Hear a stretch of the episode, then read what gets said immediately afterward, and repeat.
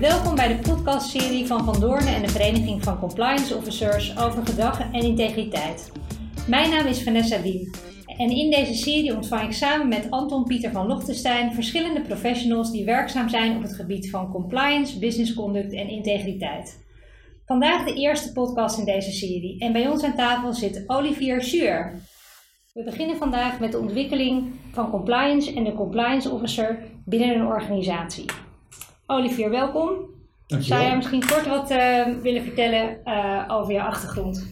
Ja, ik ben Olivier Suur en ik werk bij het organisatieadvieskantoor Governance and Integrity. Een kantoor dat werkt op filosofische grondslag. En de centrale vraag die wij proberen te beantwoorden met onze klanten is: hoe kan een organisatie zich zo inrichten dat het integer functioneert? We werken in Nederland en ook in een aantal uh, landen erbuiten. En uh, dat doen we voor overheden, financiële sector, voor bedrijven, veel in de zorg en voor NGO's. En het pad dat ik heb uh, gelopen om te komen waar ik nu ben, is heel in het kort gestart in de advocatuur, van daaruit naar het toezicht op de financiële sector en toen naar adviesrollen. Dus je zou kunnen zeggen van juridisch naar compliance, naar integriteit en organisatiecultuur. En dat is misschien wel relevant in dit kader, omdat het ook, denk ik, lijkt op het pad dat veel compliance functies nu doorlopen. Ja, ik denk dat het wellicht heel herkenbaar is voor mensen die ook al wat langer in het vak zitten. Hè? Van juridisch naar compliance, naar integriteit en organisatiecultuur. Voordat we daarop ingaan is het misschien wel goed om even te kijken naar wat is nou eigenlijk de kerntaak van een organisatie naar jouw idee? Ja, dat is een goede vraag. Hij is fundamenteel. En uh, hij wordt ook wel te weinig gesteld. Er wordt volgens mij niet vaak op die manier naar een organisatie gekeken. Maar het is wel belangrijk. Want je kan zeggen dat de kerntaak gaat over waar je echt van bent, uh, wat je bestaansrecht is. Of uh, anders gezegd, wat er op het spel staat. En uh, duidelijkheid over de kerntaak van de organisatie zou wat mij betreft het uitgangspunt moeten zijn voor iedereen in die organisatie. En voor alle activiteiten. Ik zal een paar voorbeelden geven van omschrijvingen van een kerntaak. van een bank, bijvoorbeeld, zou het kunnen zijn het bevorderen van een gezonde economie door het aantrekken van gelden, door het verlenen van kredieten en het verzorgen van betalingsverkeer. En bij een energiemaatschappij kan je denken aan het bijdragen van, uh, aan de welvaart en het welzijn van burgers door het produceren van uh, energie en het distribueren daarvan. En in een geheel andere sector, bijvoorbeeld de Belastingdienst, zou het kunnen zijn het herverdelen van rijkdom op een eerlijke manier door het innen van belastingen. En uh, kerntaak, je hoorde ook vaak kernwaarden. Hoe zou je die naast elkaar of bij elkaar zetten? Om van de kerntaak naar de kernwaarde te komen, zou je een paar stappen moeten doorlopen. Uh, de kerntaak vormt het startpunt voor het formuleren van de missie van de organisatie. En met die missie maakt een organisatie die kerntaak specifiek voor haarzelf. Dus op deze manier willen wij invulling geven aan onze kerntaak. Op deze manier onderscheiden wij ons van uh, andere organisaties. Dit is wat de wereld van ons mag verwachten. Dit is uh, waar mensen ons aan mogen houden. En de kernwaarden, die geven dan uh, aan welke richtsnoeren je hanteert bij het uitvoeren van die missie. bijvoorbeeld, we zijn transparant over waarom en hoe we dingen doen. Of we zijn innovatief in het bedenken van oplossingen. En vaak is er ook wel een kernwaarde die betrekking heeft op integriteit. Ehm, we behandelen al onze stakeholders op een integere manier. En dus met die kernwaarden eh, geef je als organisatie aan welke uh, guiding principles, zou je kunnen zeggen, je hanteert bij het uitvoeren van je missie. En ook hieraan kunnen mensen je dus houden dus je kerntaak, hè, je guiding principles bij het uitvoeren van je kerntaak, zeg je eigenlijk, dat uh, zijn, zijn de kernwaarden, de, de, principes waarlangs je dat doel uh, gaat uh, bereiken. Vat ik het dan goed samen? Ja, ja heel, in het, heel in de kort wel. Ja. Nou, dat is wellicht het lastig in de praktijk. Van, van, hè, die, die kernwaarden kunnen nog wel eens zeg maar, uh, abstracte begrippen zijn. Hè. Dus hoe zorg je er nou voor dat die organisatie breed ook uh, gaan leven? En vervolgvraag erop, wat zou daar de rol van een compliance of integriteitsafdeling in kunnen of moeten zijn? Ik denk dat als je uh, nog even terug gaat naar de kerntaak als basis voor de missie, dan ga je dus op basis van die missie ga je activiteiten uitvoeren, want je wil die missie realiseren. Um, als je dat doet, hè, dat, dat wil je doen en dat moet je doen op een integere manier. Um, dan moet je gaan nadenken over wat is dat dan, hè, die integere manier. Uh, wij hebben daar een soort uh, afkorting voor, een, een, een, definitie voor dat, dat je dat doet. Um, rekening houdend met alle betrokkenen. Dus je, je moet recht doen aan de rechten en de belangen van alle betrokkenen bij je organisatie. Bij het realiseren van je, van je missie. Um, dat doe je, dat, dat recht doen aan alle betrokkenen, door uh, zowel juridisch als moreel juiste handelen. Kernwaarden geven aan welk gedrag je van elke medewerker daarbij verwacht. En de rol van de compliance officer op dit punt, eh, zou je kunnen zeggen, is om te beoordelen of de organisatie de medewerkers in staat stelt en ook ondersteunt om dat gedrag te vertonen. Dus als voorbeeld, hè, als uh, de kernwaarde is dat we transparant zijn, dan kun je denken, uh, voor de rol van de compliance officer om te kijken naar is voldoende duidelijk op elke plek in de organisatie wat dat betekent. Wat betekent transparantie voor een afdeling die een prospectus opstelt? Voor een HR-afdeling voor een besluitvormingsproces bij het bestuur? Waar kan iemand terecht die twijfel heeft, uh, die zich zorgen maakt of je in deze concrete situatie ook transparant kan zijn of moet zijn? En een andere invalshoek voor die compliance officer is om te kijken naar kwetsbare processen en functies. Dus nog steeds in dat voorbeeld van die transparantie. Waar kun je verwachten dat het lastig is om transparant te zijn? dat zou kunnen zijn bijvoorbeeld over risico's bij een commercieel aantrekkelijk product. Of over het gebruiken van persoonsgegevens bij het maken van klantprofielen. Dus tot welke dilemma's en welke vraagstukken kan dat leiden? En wat zou je als organisatie nou kunnen doen om te voorkomen dat het een probleem wordt? Om je medewerkers dus te behoeden voor het bewust of onbewust maken van verkeerde afwegingen of van fouten. En een compliance officer die op die manier kijkt en hierover adviseert, die levert een belangrijke bijdrage om ervoor te zorgen dat medewerkers in staat worden gesteld om in lijn met die kernwaarden te handelen en dus dat gewenste gedrag te vertonen. De kerntaak van, van deze persoon is om de integriteit van de organisatie te bevorderen. Daar wel een vraag over, over de kerntaken. Dat, ja. uh, dat, die, dat van de compliance officer, dat die juridisch uh, en moreel juist, dat er juist gehandeld wordt. Ja. Ja. Um, is dat altijd de rol van de compliance officer geweest? Of had hij eigenlijk van oudsher een andere rol en is dat geëvolueerd in de loop van de tijd? Want je plakt er nu hè, het integriteitsstuk, dus een van de kernwaardes, bij soms aan vast. Um, hoe zie je dat? Hoe, is, die, is die compliance officer eigenlijk ergens ingetrokken nu? Ja. Um, ja. Tegen beter weten in, misschien? Nou, uh, traditioneel is de, de rol van compliance uh, is vooral juridisch ingestoken. Uh, dat zie je in de financiële sector, dat zie je bij farmacie, in de luchtvaart. Uh, eigenlijk terreinen waar al sinds heel lang compliance bestaat. De gereguleerde markten. Eigenlijk. Precies, ja. precies. En um, je zou kunnen zeggen, ja, dat is wel, dus dat is uh, historisch verklaarbaar dat, dat, dat juridische belangrijk is. En je ziet het nu nog steeds terug in eisen die in de wet op het financieel toezicht staan aan de compliance functie. Je ziet het in de uh, guidelines van de Europese bankautoriteit, uh, over interne governance. Het gaat allemaal over compliance, gaat over uh, regels. En nou, alleen al de namen. Het voldoen aan regels. Alleen al de naam compliance en compliance functie wijst daar ook op.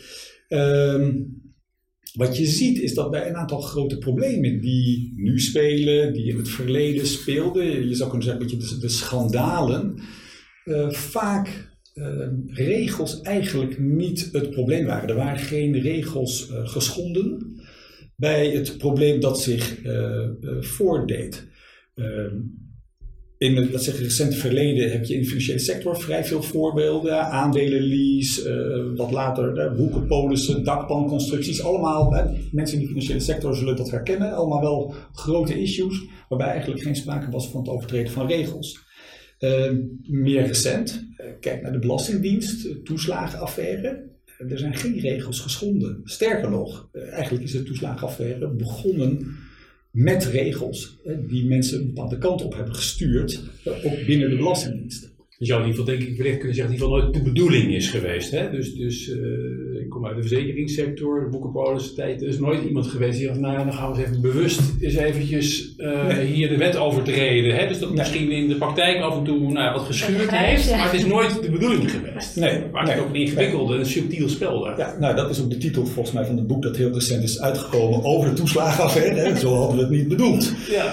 Uh, nee, dat klopt. Um, en dat um, maakt dus dat je als compliance officer, want ik, ik zie dit zeggen, uh, kerntaak het bewaken van de integriteit van de organisatie. Dan moet je dus op zoek gaan naar dingen die nou, mensen nooit zo verkeerd hebben bedoeld, maar waar dus wel spanning zit in de organisatie.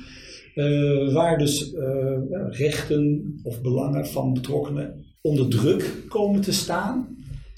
Signaleer dat Breng dat, breng dat naar boven. En dan kan het dus heel goed zijn dat er geen regels worden overtreden, maar dat er wel schade wordt berokkend. En dat is een belangrijk, je zou kunnen zeggen, criterium. Dat is eigenlijk waar je naar gaat kijken. Wordt er ergens schade berokkend door de organisatie, door wat wij doen? En is dat, is dat oké? Um, eigenlijk, als ik je vrij vertaal, zeg je daarmee alleen het naleven van juridische regels is niet voldoende. Of hoeft niet voldoende te zijn in de praktische uitwerking. Nee, dat klopt. Dat klopt. Of is het niet alleen de praktische uitwerking, of is het um, in het in, nou ja, op basis van het maatschappelijk oordeel?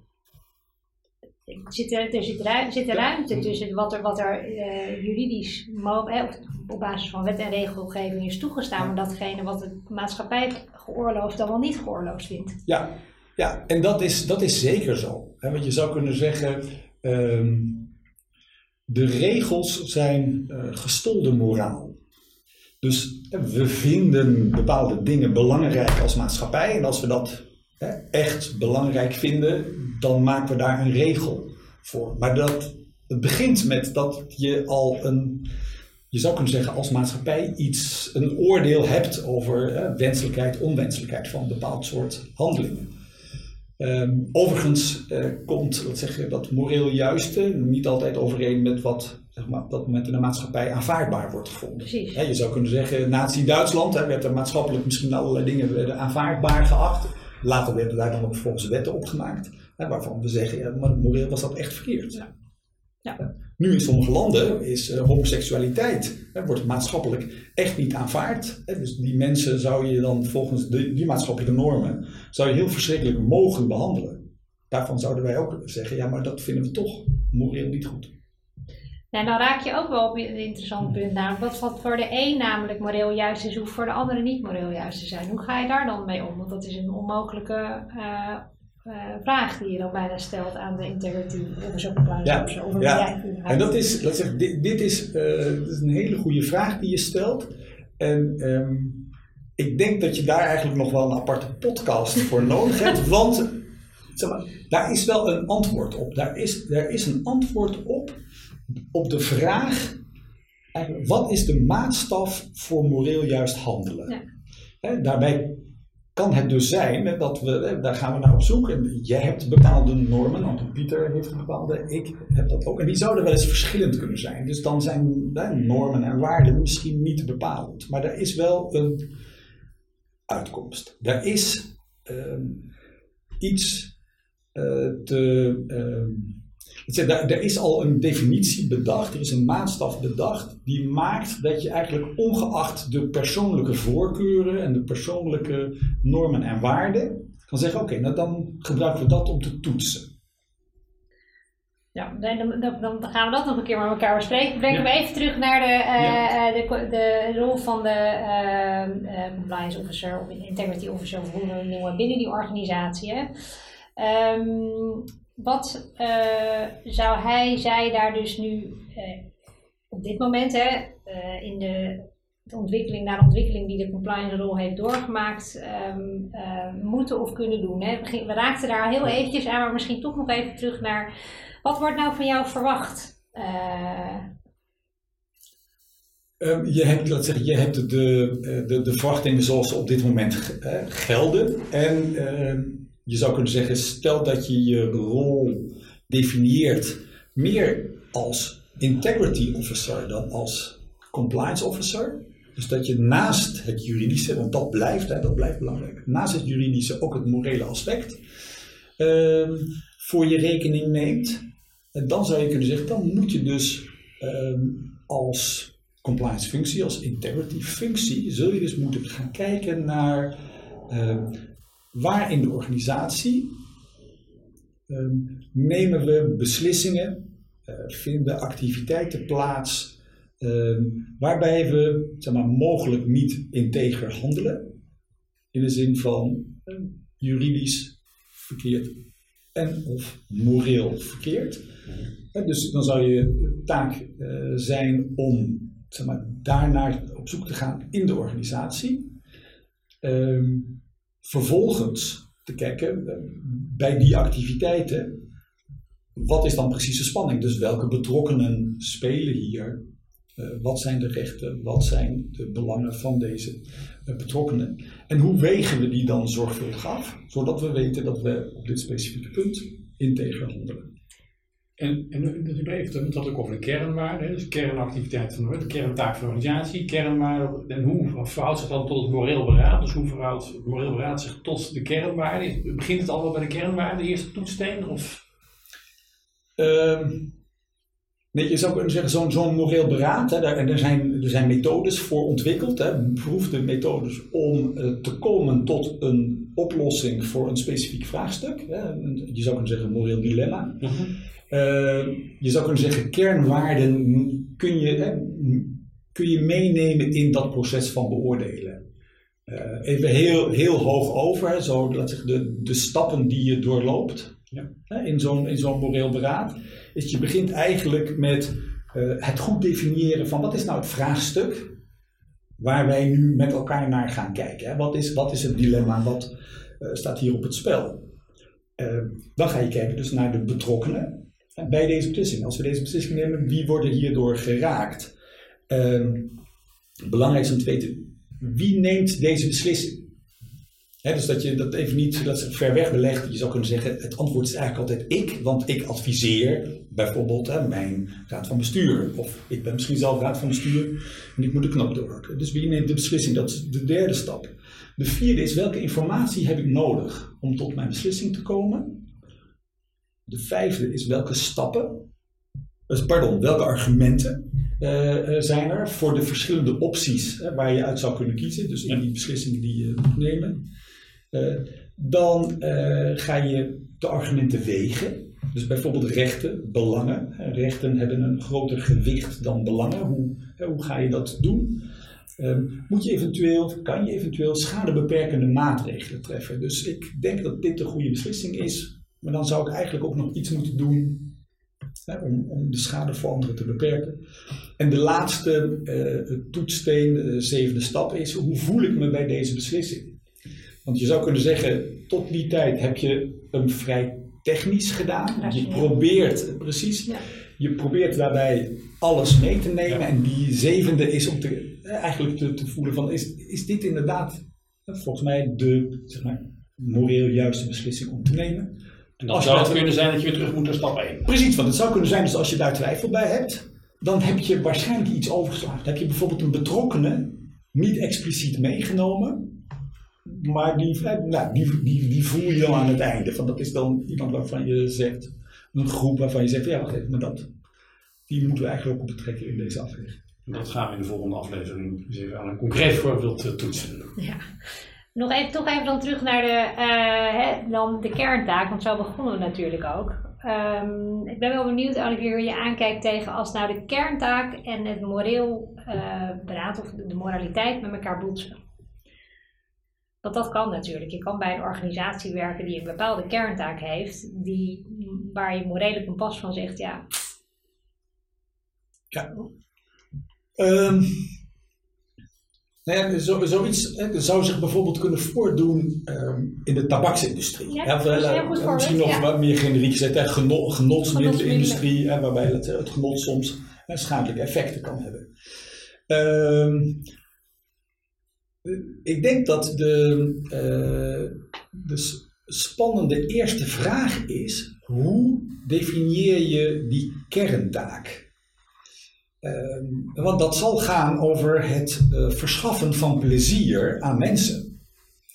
En, ehm, en dat kun je dan vervolgens op verschillende manieren doen. Dus het zou kunnen zijn dat als je dus kijkt naar de integriteit van de uitvoering hè, van kerntaken en missie, et cetera. Dat je zegt dat deden we tot nu toe, of dat doen we tot nu toe op een bepaalde manier die, we zeggen, schade eh, met zich meebrengt. Bijvoorbeeld sigaretten. Ehm, zouden we onszelf misschien niet moeten transformeren naar ook het bevorderen van, van genot, je zou zeggen van, van het geluk van mensen. Want dat is eigenlijk wat je doet, je bevordert het geluk van mensen. Maar dan op een manier die minder of misschien zelfs niet schadelijk is. Maar dat zou het begin kunnen zijn van een grote transformatie in de organisatie. Ja, dat zijn inderdaad voor de, hè, noem de olie eraf, eh, olie of Ja. noem het maar. Dat zijn Ja. natuurlijk hè, in het grotere plaatje kan je daar op een gegeven ogenblik ook, hè, zeker in de huidige discussies met klimaat, et cetera, je vraagtekens bij stellen. Is dat nou mo- moreel juist wat we allemaal Ja. aan het doen zijn? Ja. Nou, en, en, en dat is natuurlijk echt een, een vraagstuk dat, dat zeer actueel is op dit moment. Ehm, ik, had net al even een soort begin gemaakt hè, van een mogelijke kerntaak voor een energiebedrijf. Je zou kunnen zeggen ehm, dat het, de activiteit van een energiebedrijf zijn, bestaat soms uit het eh, eh, oppompen en, en raffineren van, eh, van olie. Eh, dat weten we inmiddels heeft schadelijke effecten, ook naast allerlei positieve. Ehm, dus zou je eigenlijk je missie als organisatie zodanig kunnen formuleren dat je zegt: we doen nog wel de kerntaak, hè, dus we bevorderen welvaart en welzijn. We zijn een energiemaatschappij en we doen dat dus op zo min mogelijk schadelijke manier. Ja. En ook dat zou dus het begin kunnen zijn hè, van een transitie. En hè, natuurlijk, energiebedrijven zijn al bezig met die transitie. Maar daar zou dus compliance in die zin een rol kunnen spelen. Om te kijken hoe, hoe doen we dat dan zo goed mogelijk, zo snel mogelijk. Want de tijd dringt, weten wij inmiddels. Ja. Dat zou denk ik een belangrijke toegevoegde waarde zijn van, eh van integriteitsfunctionaris en compliance functionaris in een dergelijke discussie. Heel veel dank, Olivier. De volgende aflevering ontvangen wij Julia Topal van Governance and Integrity om verder te spreken over moreel beraad.